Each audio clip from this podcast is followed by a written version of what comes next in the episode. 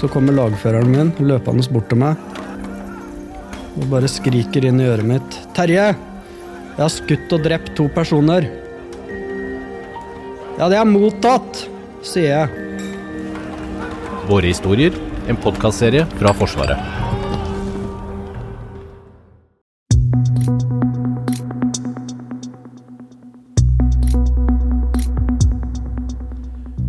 Ukraina er nå verdens mest minelagte land. Og mine er et våpen som ikke bare dreper soldater i krigen. Mine terroriserer og dreper sivile og til og med barn. De siste ukene har norske, svenske og islandske instruktører drevet opptrening av ukrainere i håndtering og destruering av både mine og ueksplodert eh, ammunisjon. Du hører på Forsvarspodden. Jeg heter Jørgen Lyngvær. Andrei, you are the team leader for this Отже, task. Андрій, ви командир групи. The situation is that we has uh, just arrived to this place. Uh, it's a place with sort of uh, 100 civilian people. Десь тут живе приблизно в цьому містечку 100 цивільних. And for I en skog i et eh, treningsområde i Litauen skal ukrainere som er under opplæring, gjennomføre ei eksamensoppgave. Norske, svenske og islandske instruktører har lært dem opp i hvordan en skal destruere miner og eh, udetonerte eksplosiver. over there we have a fuel tank. Мгм. Тобто місцевість така, як ви зараз бачите, але ось там у нас знаходиться е, резервуар з паливом. Oppdraget de får, er at en sivil person har oppdaga en granat som ligger i bakken.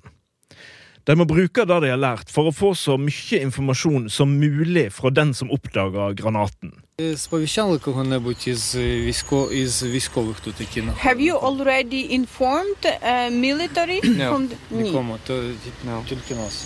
I just, was just just walking with them. my dog and I saw it. Ні, він просто гуляв I собаку, don't know if побачив. it's anywhere else here, but Він не знає, чи тут ще хтось є. А, як часто ви гуляєте тут? How, how Це often місцевість. do you walk here? two, three times a week. Два-три рази на тиждень. Е, Останній раз, коли перед цим е, вони гуляли? When uh, were you here last time? 24 hours ago. So one day. 24 години тому. Før de kan gå fram til objektet, får de vite at eh, det ligger nært en drivstofftank med 2000 liter diesel. Поняв, але нам, е, щоб достати, щоб у- убезпечити е, ну, цей резервуар, е, при... But we need to secure the fuel tank. Е, Окей. You have to tell me what you are going to do. Ви маєте мені сказати все, що ви хочете а, når de har gjort eh, forberedelsene sine og fått sikra området, går en av ukrainerne fram til granaten og begynner å grave forsiktig rundt den for å fjerne så mye at de kan prøve å løfte den ut.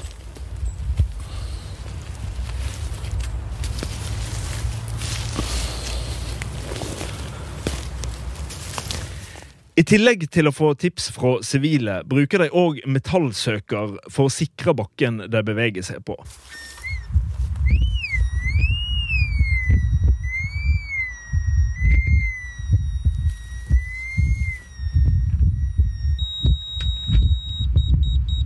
De norske og svenske instruktørene forteller at situasjonen i Ukraina gjør at det blir mer enn nok å gjøre for eh, de ukrainerne som deltar i opplæringen, når de er ferdige med kurset. Eh, Det å rydde miner og blindgjengere kan være veldig farlig i seg selv, eh, men det kommer jo så klart også an på situasjonen vi står i. Det er mange faktorer som spiller inn i det store bildet. Det er på en måte like viktig å bedømme situasjonen du står i, samt hvordan du bedømmer hva slags eksplosive objekter du har med å gjøre.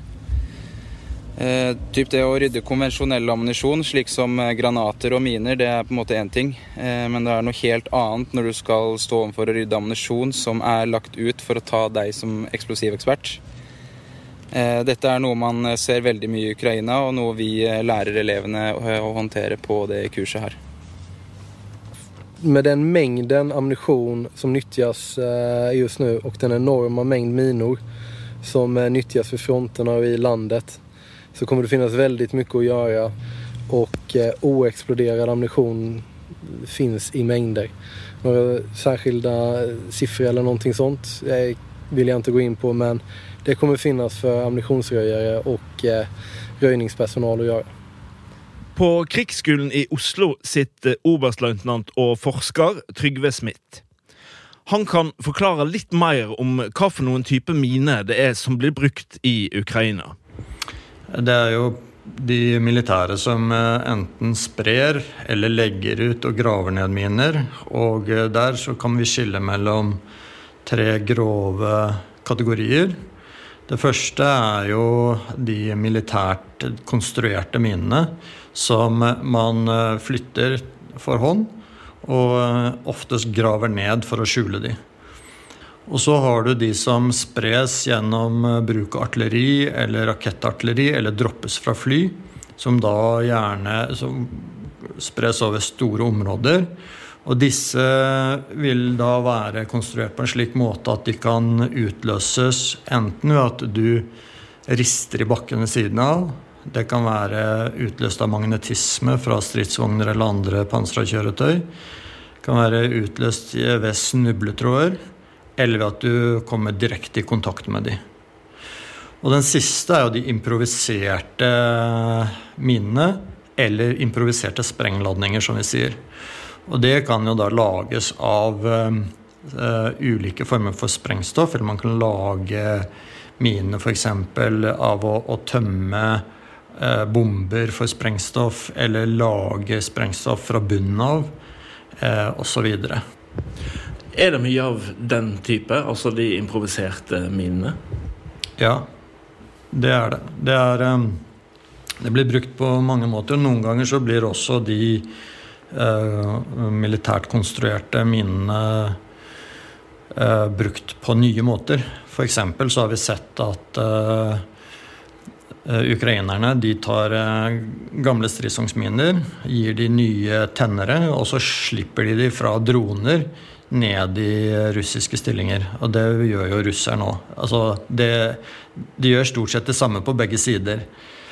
Um, men de improviserte, det kan være da minefeller med f.eks. håndgranater med snubletråder. Som, eller hvor du legger eh, utløsningsarmen i trykk under en plankebit, under et bord, under et magasin som ligger igjen i en eh, stilling som de har trukket seg ut av, under et våpen, under et eller annet. Eller det er um, sprengladninger hvor man lager improviserte tennere. Og vi vet f.eks. at uh, russerne de legger igjen masse. Både i sivile hus og i uh, militære stillinger. F.eks. sånn at når de trekker seg ut av en stilling, så venter de til uh, stillingene blir besatt av de ukrainske styrkene. Og så, så setter de det av for å drepe de ukrainske soldatene. Det har vi også sett eh, i en veldig stor skala på andre siden når de slåss om Bakhmut. Hvor da ukrainerne la igjen mange hundre kilo med sprengstoff i eh, større bygninger. Og idet eh, russerne hadde besatt disse bygningene, gjerne flere etasjer, som var veldig viktige for å kontrollere området, så satte de av det sånn at hele bygningen kollapset, og, og da skulle drepe alle de som var inni der. Hvordan påvirker alle disse minnene krigføringen i Ukraina? Den påvirker på mange måter. Det er både det militære, men det påvirker også sivilbefolkning. Og mine brukes jo både for eh, rene militære formål, men også for å terrorisere en sivilbefolkning, spre frykt og eh, gjøre det vanskelig å bo der i etterkant. Sånn at eh, kvalitet, både livskvalitet, men også mulighet for å bo i et område enten blir redusert eller helt fjernet.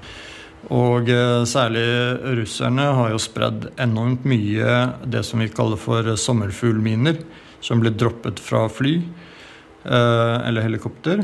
Eh, hvor da de, de er ganske små, kan se ut som leker, faktisk. Og ligger da spredd rundt omkring i terrenget, og de vil jo da gå av hvis man berører de. Og disse er jo ikke ment for å drepe, men for å rive av en fot og skade personell, sånn at de ikke blir stridsdyktige lenger.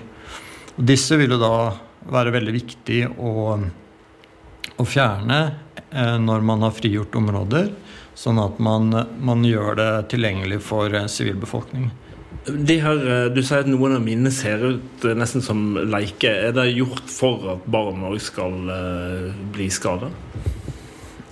Enkelte tilfeller, ja. Det, russerne brukte det bl.a. i, eh, i eh, Afghanistan. Jeg, jeg kjenner ikke til at det er blitt brukt i Ukraina. Men i Afghanistan så hadde de bl.a. Eh, miner da, som var inni ting som så ut som leketøy. Som var ment å se ut som leketøy.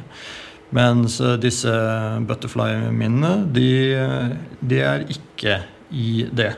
Men de er i en slik form at eh, det er veldig for nysgjerrige barn så kan det være interessant å plukke dem opp. Men de er i utgangspunktet ikke laget for å lure barn til å gjøre det. Men ettersom de blir spredd utover et område, det er ingen som vet hvor de er, så vil det være en stor risiko for sivilbefolkningen når de flytter tilbake. Eh, du sier at de her butterfly-minene de blir eh, ofte droppa fra et fly.